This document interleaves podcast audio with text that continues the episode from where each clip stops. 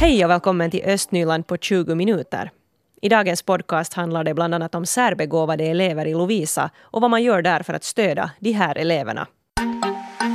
Tänk er att man sitter i skolan dag ut och dag in och inte lär sig någonting nytt. Man får ingenting ut av skolan och utvecklas inte på något sätt. Och allt som man hör och får jobba med är något sånt som man har lärt sig för länge sedan och redan kan. Det låter ju inte något hemskt skojigt. Eh, elever som har det kämpigt i skolan, de får ju hjälp och det finns ett system för hur man ska hjälpa dem.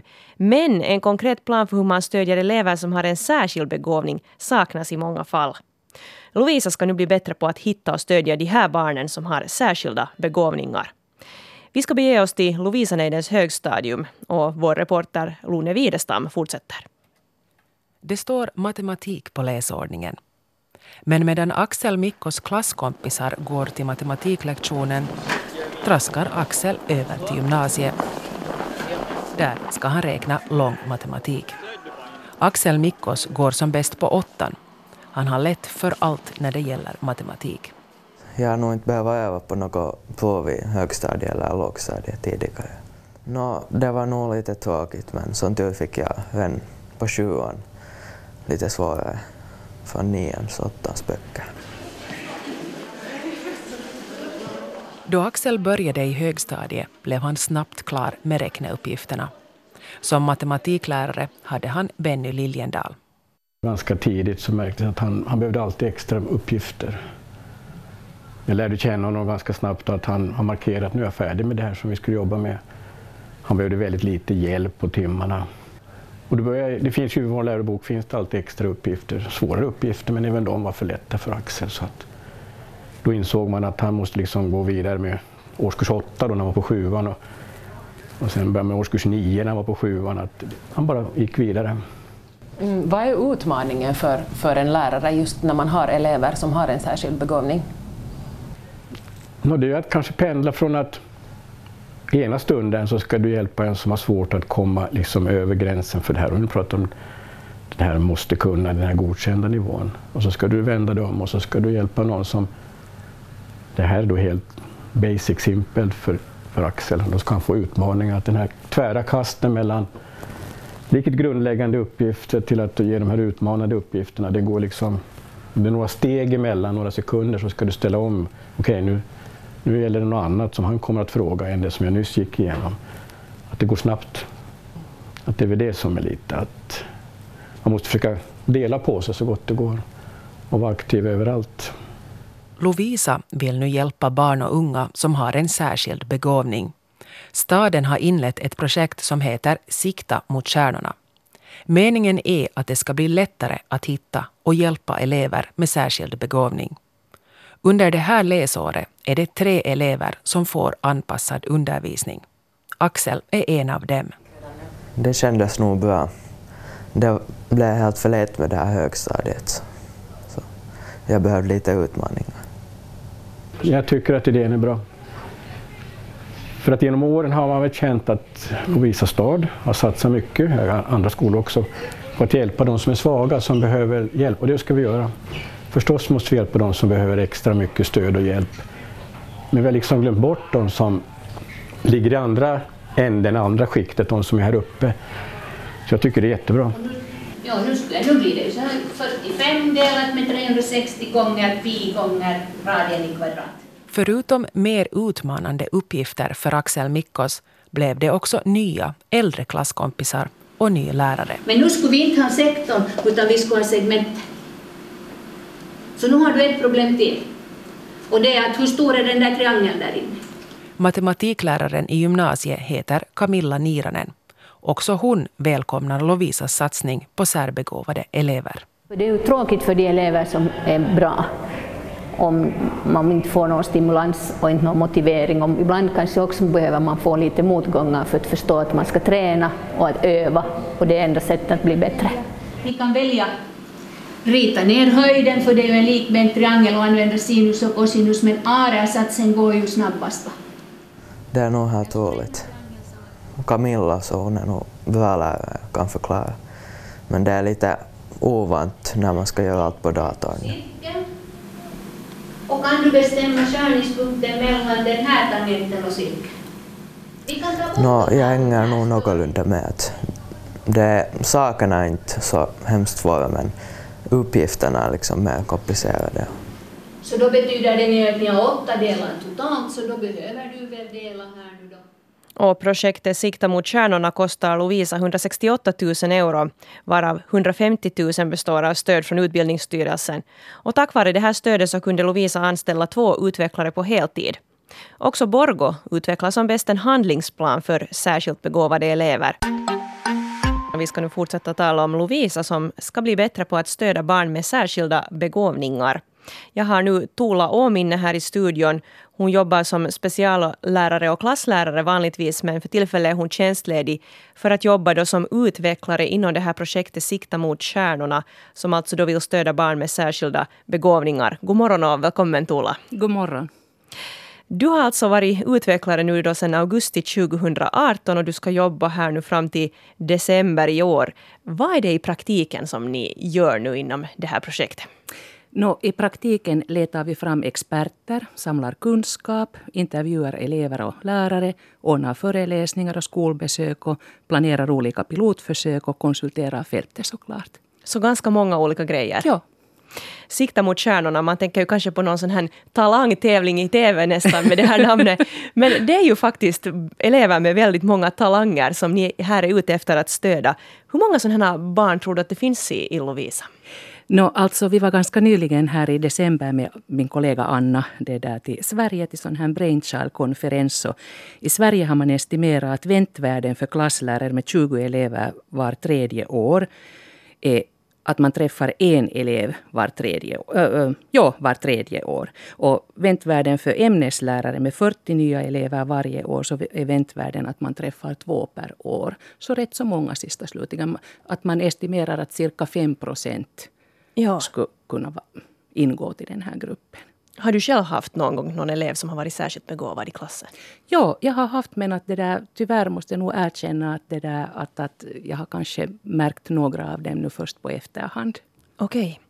Okay. hur ska man hitta dem då? Du, du sa just att du märkt kanske först i efterhand. Så, så vad finns det för knep att märka att nu har någon elev särskilda begåvningar och borde få stöd? No, den här identifiering är ju faktiskt nog en, en femma. Att det där Roland S. Persson som är i Sverige sån här framgångare så han säger att den är särbegåvad så förvånar sig vid upprepade tillfällen med sin osedvanliga förmåga på ett eller flera områden både i skolan och i vardagslivet. Att det låter komplicerat men kanske en elev det där äh, som ifrågasätter ofta det som du har att komma med eller som dina skol, eller deras skolkompisar har att komma med. Diskuterar mycket, frågar, är frågvisa och har liksom kanske spring i hjärnan om man kan beskriva det på det sättet. Mm. Nu, vad tror du som lärare? Är det här någonting som en lärare upplever som positivt eller kan det också bli så här att man tycker att det här är en jobbig elev? Uh, säkert kan man uppleva dem som jobbiga just därför att det, där, det, det ställer ju krav. Och det, där, det är ju inte kanske så lätt heller det att ifall du möter en elev som ifrågasätter ditt, ditt sätt att jobba. Men att det där, äh, efter att man hittar liksom nyckel och, och det där hittar sådana här fungerande arbetssätt så lättar det säkert. Mm. vad händer om man inte stöder sådana här särbegåvade barn? Vilka risker finns där? Underprestering, att den där begåvningen slocknar bort helt enkelt så till att säga. Ja. Nu, hur ska ni nu då i praktiken stödja lärarna att hitta de här eleverna och sen att jobba vidare med dem? För man måste ju säkert tänka om en hel del när det gäller då sitt undervisningssätt.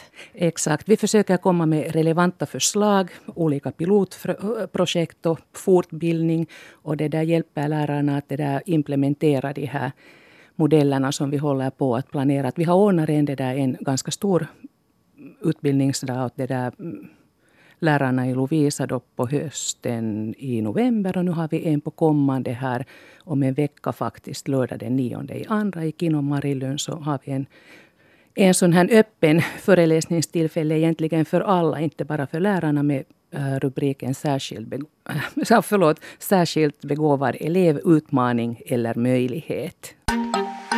Tuula, vad beror det på att ni just nu börjar med det här projektet och tänka extra på just de här eleverna? Alltså vi har ju rektorer som har varit initiativtagare i det här ärendet och sen med stöd av det där utbildningschefen Timo Tenhonen satte igång det här och det där. Äh, Först av allt så det där, har man tänkt på jämlikhet. Att det, är, det är ju fråga om det att det där värdegrunden, värdegrunden i sig ligger i det där jämlikhet. Att man har tänkt att stödja en grupp är inte kanske att explodera en annan. Äh, och så har vi haft några sådana fall också som det där har krävt annorlunda Ja, annorlunda tänkesätt. Ja, ja. ja, ja. Mm. Nå, hurdan respons har du fått så här från lärarkåren nu i och med att ni tar tag i, i det här?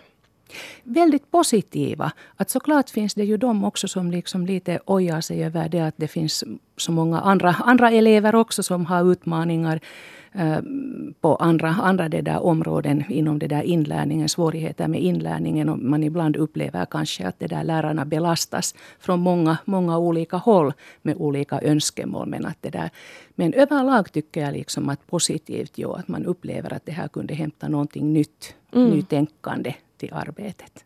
Du är själv eh, speciallärare och klasslärare så här normalt sett när du inte jobbar som utvecklare. Tycker du själv att resurserna räcker till i klassen, både med tanke på då att stödja särskilt begåvade elever och också sådana då som har inlärningssvårigheter till exempel och problem? Eh, det beror mycket på arbetssyn såklart. Mm. Att det där, om man utgår från en sån här traditionell katederundervisning så då kan man nog vara illa ute. Men det där, jag för min egen del kanske har ju den fördelen Äh, på min sida att det där, jag är både klasslärare och specialklasslärare. Så det där, jag, har, jag har vissa liksom det där, äh, kunskaper och färdigheter via min egen skolning. Att det där, jag upplever det inte så utmanande som kanske någon annan gör. Mm. Nå, I dagens läge så har man ju mycket den här tanken att, att elever med specialbehov ska finnas integrerade i den här vanliga klassen. Det ska inte vara sådana mm. särskilda specialklasser. Hur, mm. hur, ser du som lärare och speciallärare på det här? Mm, mm. Det beror ju lite på barnet såklart. Att det där man utgår från det att man talar om den inklusiva skolan. Att det där var och en ska känna delaktighet och vara en del av gruppen, en större grupp. Och det där, äh, själv gillar jag den där tanken att man integrerar också de här specialbarnen eller barnen med särskilda behov till de här allmänna undervisningsgrupper därför att det där, jag tycker att man kan liksom lära mycket av varandra. Och väldigt sällan är det på det sättet att det där, ett barn som har svårt har svårt så där övergripande i allting. Att det där, man, man kan hitta, hitta sin plats också i allmän undervisning och, det där, och få, få liksom mera. Så ja, att säga. exakt. No, eh, du sa att det finns då ändå en viss eh, skepticism också. Eh, hur långt tycker du att grundskolan ska sträcka sig när det kommer just till barn med olika utmaningar? No, om man alltså du menar de här begåvade barnen då? Ja, eller utmaningar överlag? Ja. Mm. No, alltså det, där, det, det, finns ju olika lag och paragraf och anordningar och, och det där rekommendationer runt, runt det här. Och det där. Först av allt handlar det ju om rättighet, om man talar om de här begåvade elever till exempel, så de, deras undervisning, också deras undervisning berättigas bland annat till Europarådets rekommendation från 1994 och i Finlands grundlag. Och sen kan man tala om skyldigheter. Vi har lagen om grundläggande utbildning och det där grunderna för läroplan och, och, i det här fallet Lovisas eget det där läroplan från 2016 som, som det där utgår från det att också en elev som är begåvad ska få stöd mm. omedelbart då när man märker att stödet behövs. Precis. Tuula Åminen, så här till sist här. Hur hoppas du att det här projektet framskrider nu inom Lovisa? Vi ror nog i land det här med hjälp av de här fina kollegorna som vi har. Vi har haft många sådana här tankesmedjor, skolverkstad, lärarkliniker och det där. Och vi har utgått med Anna från det att man ska inte ge sig. Att det finns alltid lösningar, inte kanske alltid de bästa, men att det är bättre än nuläget oberoende. Så flera sådana praktiska knep kommer ni att bidra med nu här för lärarkåren sen när ni är färdiga med, med projektet? Absolut. Om, och om en månad ska vi åka med en grupp också faktiskt till Saunalahden koulu till Esbo för att bekanta oss med årskurslös där undervisning, i nybörjarundervisning som är ett sätt att stödja de här begåvade eleverna. Tack ska du ha Tuula Ominen för att du kom Tack. hit idag.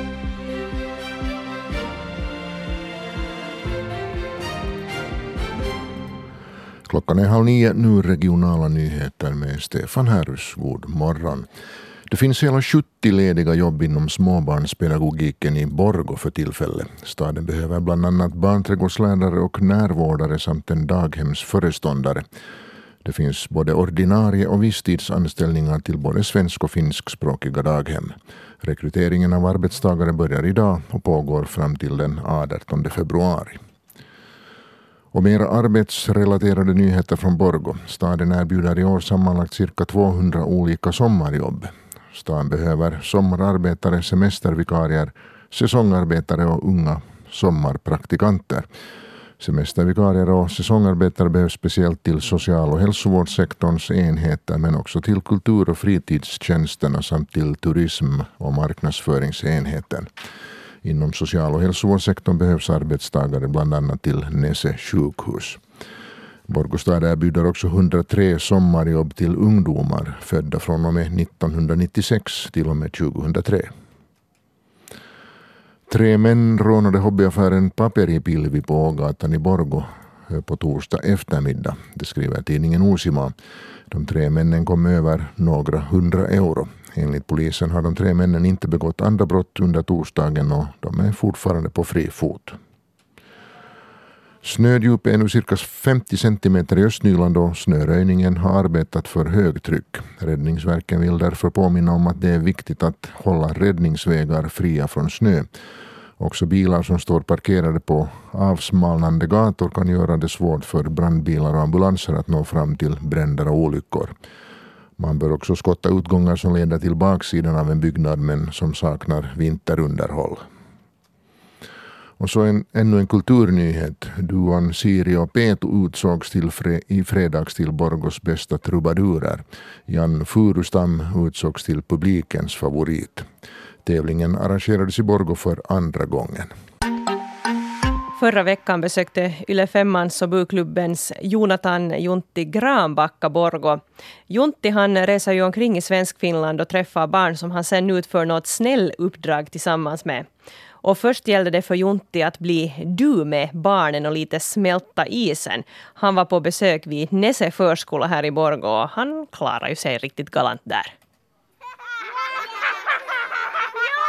Jo, jo, Juntti-raket, jag lovar. Ni, jag kastar upp er till månen månen. Men jag binder ett rep i foten så jag kan dra ner er sen. Och, och så får ni berätta hur det var. Det lovar jag. Kan du göra det då? Sen när ni har lyssnat riktigt bra. Jag såg min gamla katt då. Borrilla Vilma. Hon Är hon uppe i månen? Ja. Okej, no, men då får du hälsa till henne då.